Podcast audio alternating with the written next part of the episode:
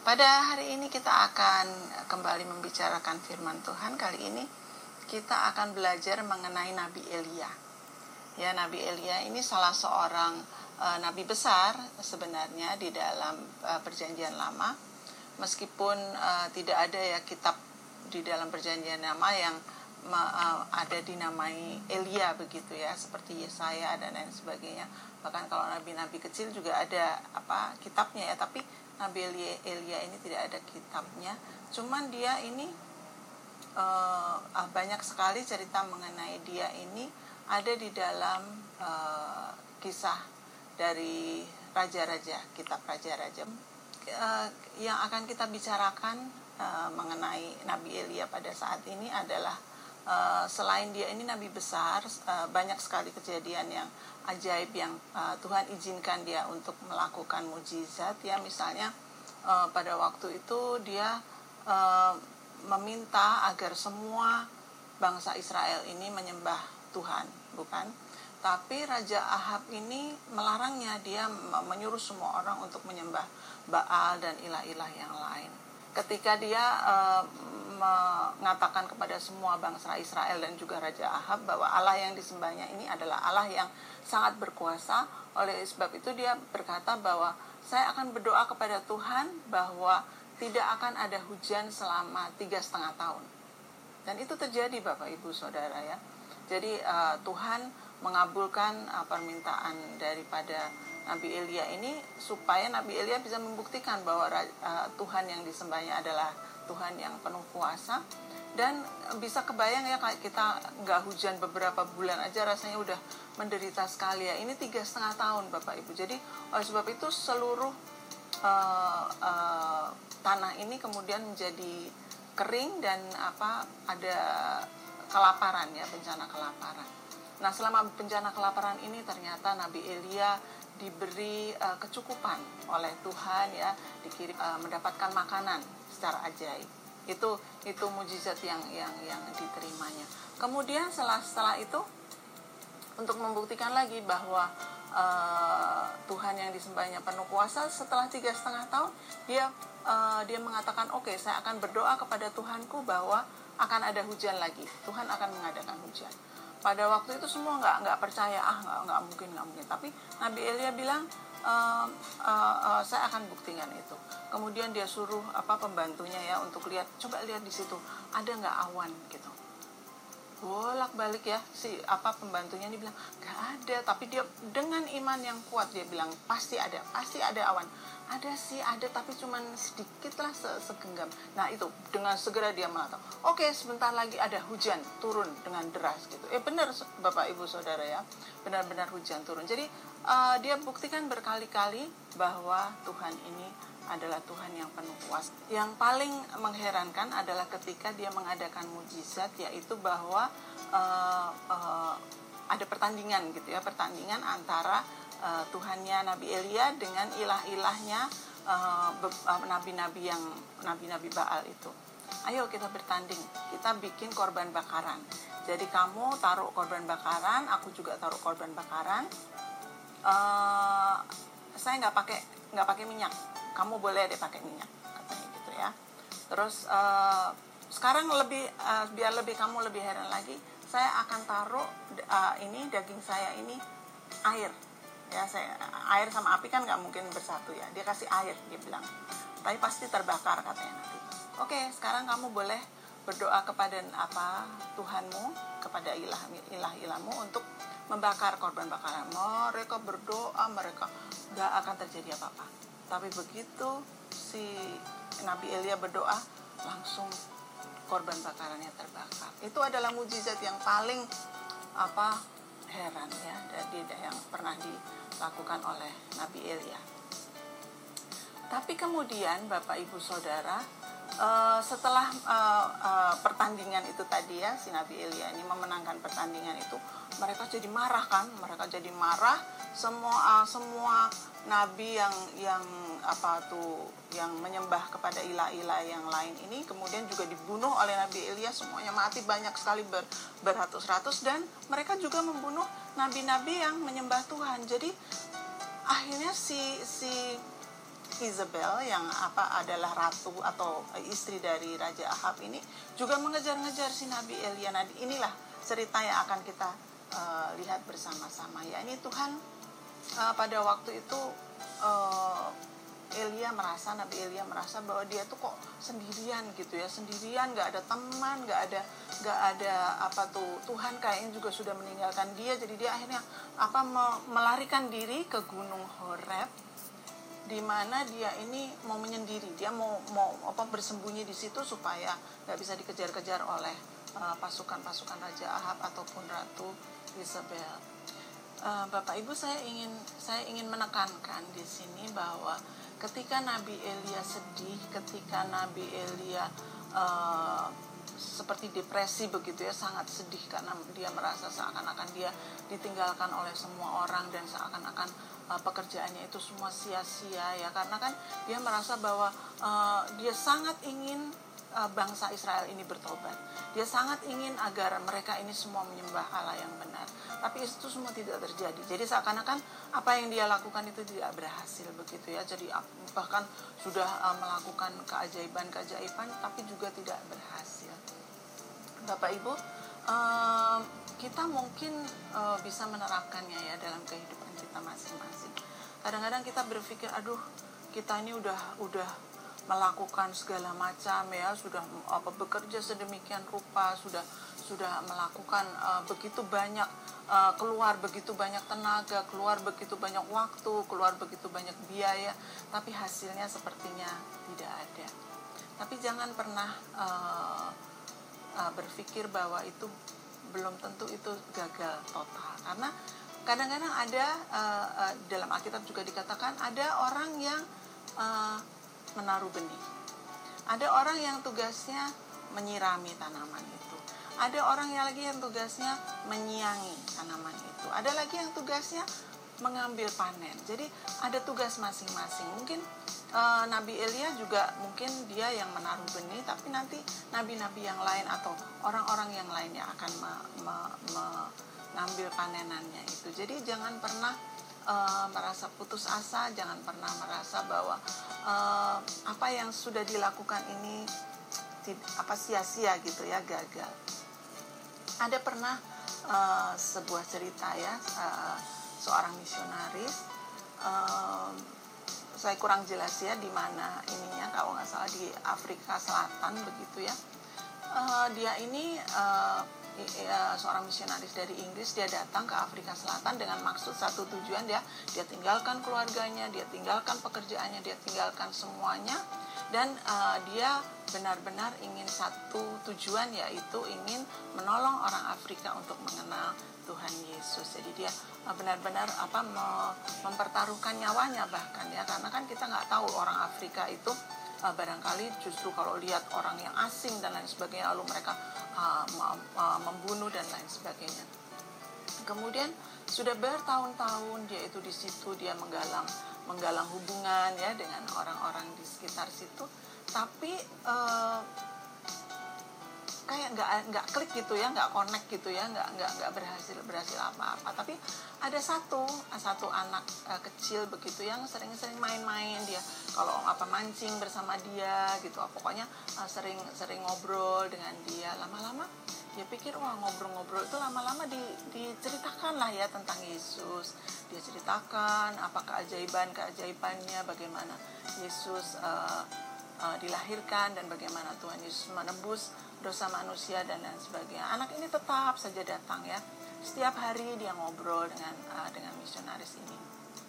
Kemudian uh, dia dia nggak merasa bahwa dia ini sedang sedang memuridkan ya. Dia hanya merasa bahwa dia ini pokoknya uh, apa uh, mengasuh anak ini begitu ya.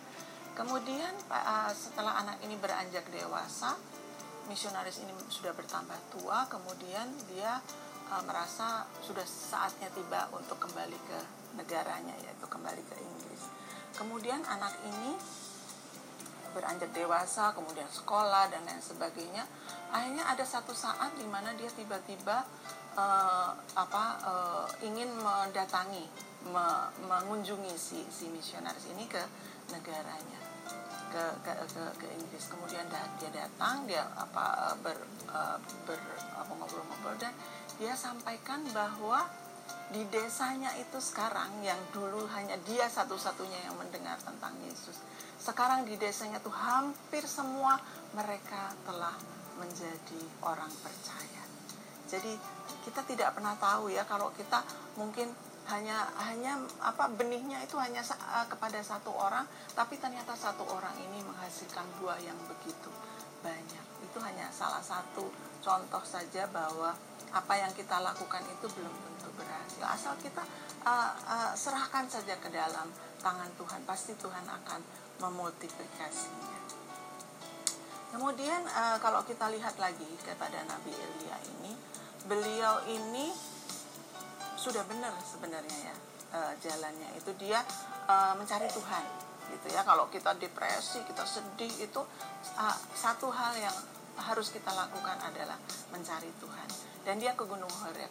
Kita ingat ya Gunung Horeb itu adalah tempat di mana Musa pada waktu itu dikunjungi oleh Tuhan. Di mana Musa melihat uh, apa semak-semak terbakar. Jadi dia di situ dia dia merasa aduh apa saya akan cari Tuhan di situ? Barangkali siapa tahu gitu ya saya akan bertemu dengan Tuhan. Oke benar. Pada saat itu jadi uh, kita ini kalau uh, kalau sedang depresi adalah satu-satunya cara adalah juga mencari Tuhan begitu ya. Dan pada waktu itu kan Tuhan bertanya pada dia apa yang kau lakukan di sini gitu ya. Sebenarnya Tuhan ini uh, uh, nggak mungkin nggak terlalu meminta jawaban sebenarnya. Ini ya ini adalah pertanyaan yang retorik begitu ya. Ya uh, Tuhan mengatakan dia sudah tahu kan Tuhan sudah tahu jawabannya sebenarnya. Tapi dia sebenarnya yang ditanyakan oleh Tuhan itu ngapain kamu di sini? Apakah engkau berada di tempat yang seharusnya engkau berada? Gitu ya. Jadi akhirnya si Nabi Elia ini di dalam satu raja-raja ayat 19 dia apa mulai komplain. Dia mulai mengeluh kepada Tuhan. Dia utarakan semua keluhannya. Tuhan saya ini sudah melakukan segala macam. Saya sudah melakukan banyak mujizat. Saya sudah melakukan begitu banyak uh, apa uh, apa tuh keluar banyak tenaga dan lain kok nggak ada hasilnya gitu? Nggak ada orang yang apa malah orang-orang yang percaya kepadamu malah dibunuhin semua sama sama si Raja Ahab dan Ratu Isabel. Itu dan saya tuh tinggal satu-satunya di situ ya. Saya lebih baik daripada saya dibunuh juga sama si Ratu Isabel. Saya mendingan lari di sini saya mati di sini aja katanya. Sudah apa ambillah nyawaku dan lain sebagainya begitu ya. Sampai dua kali Tuhan menanyakan apa yang kau lakukan di sini Elia katanya gitu ya ngomel lagi dia Elia mengeluh lagi dan lain sebagainya dan lain sebagainya ya jadi kita baca saja ya Bapak Ibu Saudara di dalam satu Raja-Raja 19 ayatnya yang ke 9 dulu ya. Di sana masuklah ia ke dalam sebuah gua dan bermalam di situ. Maka firman Tuhan datang kepadanya demikian, apa kerjamu di sini hai Elia? Jawabnya, aku bekerja segiat-giatnya bagi Tuhan alam uh, Tuhan Allah semesta alam karena orang Israel meninggalkan perjanjianmu, meruntuhkan mesbah-mesbahmu dan membunuh nabi-nabimu dengan pedang, hanya aku seorang dirilah yang masih hidup dan mereka ingin mencabut nyawaku. Lalu firmannya, keluarlah dan berdiri di atas gunung itu di hadapan Tuhan. Maka Tuhan lalu. Angin besar dan kuat yang membelah gunung-gunung dan memecahkan bukit-bukit batu mendahului Tuhan. Tetapi tidak ada Tuhan di dalam angin itu. Dan sesudah angin itu datanglah gempa tetapi tidak ada Tuhan di dalam gempa itu. Dan sesudah itu datanglah api, tetapi tidak ada Tuhan di dalam api itu. Dan sesudah api itu datanglah bunyi angin sepoi-sepoi basah. Jadi Bapak Ibu Saudara, eh, ketika Tuhan menanyakan itu kepada Elia dan Elia mengeluhkan semua apa yang dia keluhkan kemudian Tuhan mengatakan coba berdiri di di atas gunung batu supaya uh, apa uh, Tuhan akan datang begitu ya. Jadi uh, gemuruh uh, angin kemudian gempa bumi kemudian api tapi Tuhan tidak ada di situ. Jadi kalau kalau kita ingin mengharapkan begitu ya Tuhan apa datang dengan segenap apa tuh uh, apa apa mujizat yang um, apa menggebu-gebu atau apa gitu uh, kadang-kadang Tuhan tidak menjawab dengan hal itu. Kadang-kadang dia menjawab dengan lemah lembut di mana kita hanya berada sendiri bersama Tuhan hanya berdua saja dengan Tuhan di mana dia bisa benar-benar uh, akrab dengan kita, berbicara dengan kita dengan akrab, dan kita bisa mendengar Tuhan, kita juga bisa ngobrol dengan Tuhan. Di situlah Tuhan akan datang dan menyatakan diri kepada kita. Kemudian uh, kita juga melihat di situ bahwa uh, apa yang apa yang dikerjakan Elia itu di mana dia menyendiri itu sebenarnya juga adalah sesuatu hal yang uh, uh, tidak tepat ya karena kadang-kadang kita itu perlu uh, support group. Kita perlu kelompok uh, yang mendukung kita. Apakah itu uh, apakah itu small group kita apakah itu Bible study group kita apakah itu kelompok teman-teman uh, yang kadang-kadang seminggu sekali kita ngobrol dan lain sebagainya. Seperti kalau kita lihat uh, Paulus misalnya ya uh, dia ini juga sering mengalami penderitaan. Dia sering dianiaya. Uh, tapi dia memiliki itu uh, support group itu. Kita ingat kalau waktu dia uh, dikejar-kejar ada orang yang nurun menurunkan dia lewat apa dengan keranjang ya melalui jendela. Lalu kemudian sewaktu Paulus uh, di di penjara ada aja orang yang uh, mengantarkan makanan mengantarkan uh, kebutuhan-kebutuhannya. Jadi uh, ada support group yang yang yang me, mendukung uh, pelayanan Paulus. Nah mungkin Elia ya gimana ya nggak ada support group karena semua sudah di dibunuhin semua sama Raja Ahab. Jadinya dia nggak ada support group. Jadi yang bisa kita pelajari di sini juga adalah bahwa kita harus memiliki satu kelompok atau satu grup di mana kita bisa saling menguatkan kalau ada ada ada kesedihan atau ada penderitaan atau ada uh, kesulitan di dalam hidup kita. Di mana kadang-kadang uh, dua tiga orang itu bisa bisa mendukung kita bisa mendoakan kita dan uh, terutama kita bisa ngobrol gitu ya. Kita bisa plong gitu me, me, mengutarakan segala macam uh, segala macam uh, kesedihan kita.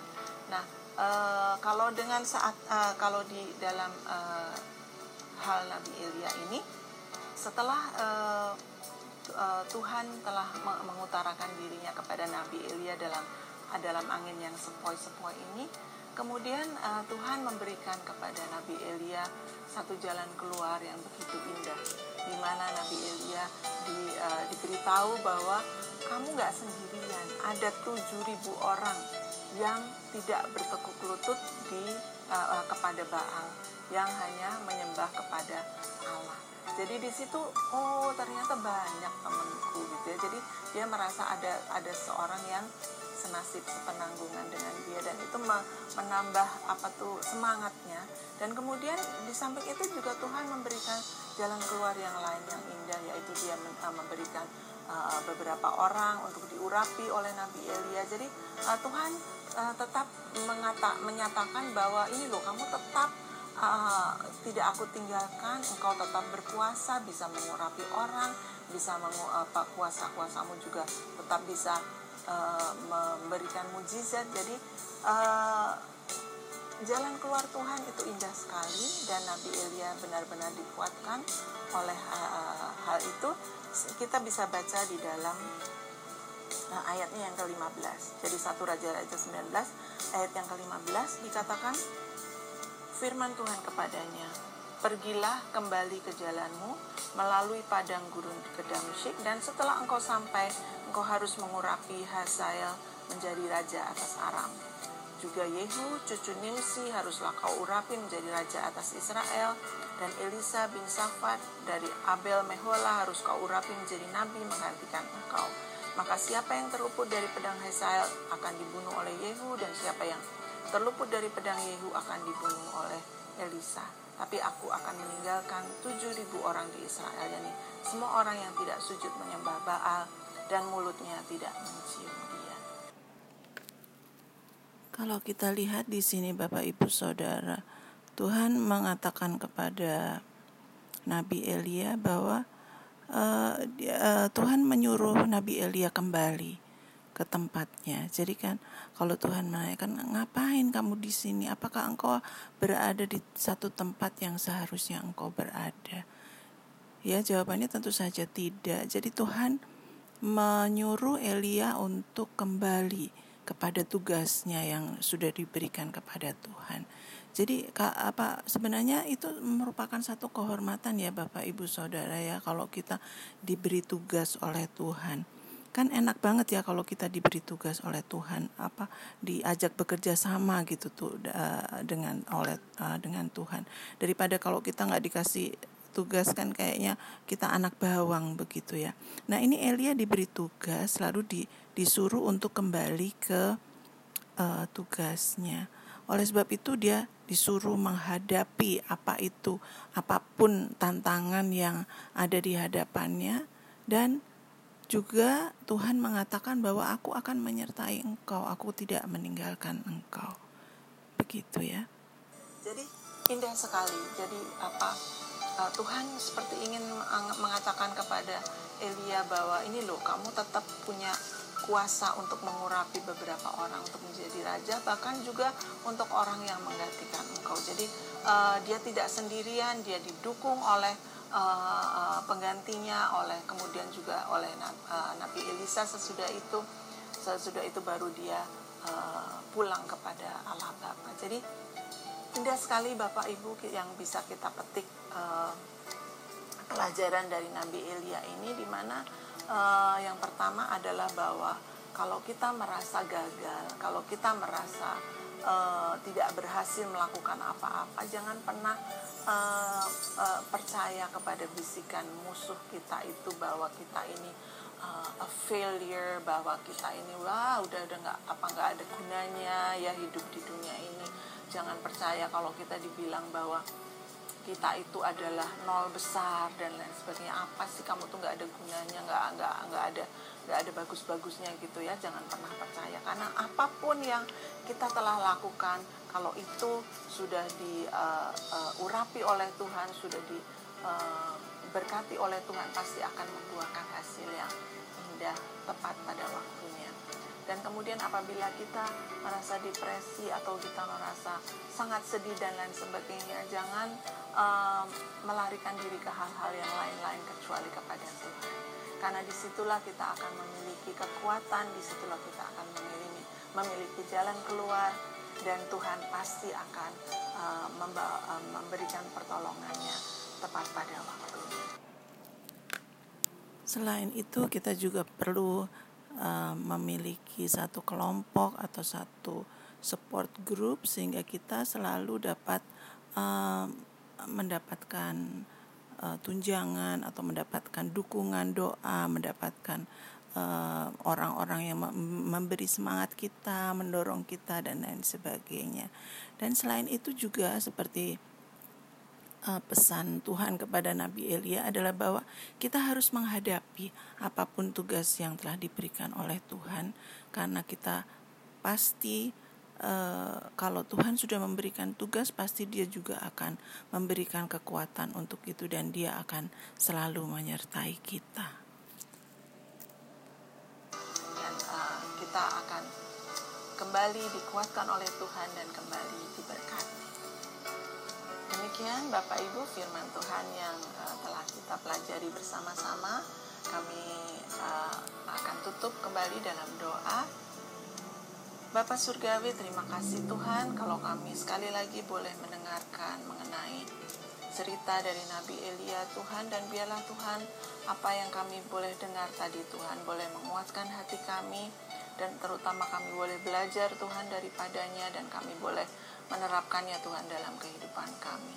Biarlah Tuhan uh, uh, firman-Mu ini boleh bertumbuh dan hidup di dalam hati kami masing-masing agar kami sel uh, selalu boleh berjalan di jalanmu yang benar Tuhan dan tidak menyimpang ke kiri atau ke kanan. Terima kasih Bapak di dalam nama Yesus Kristus kami berdoa.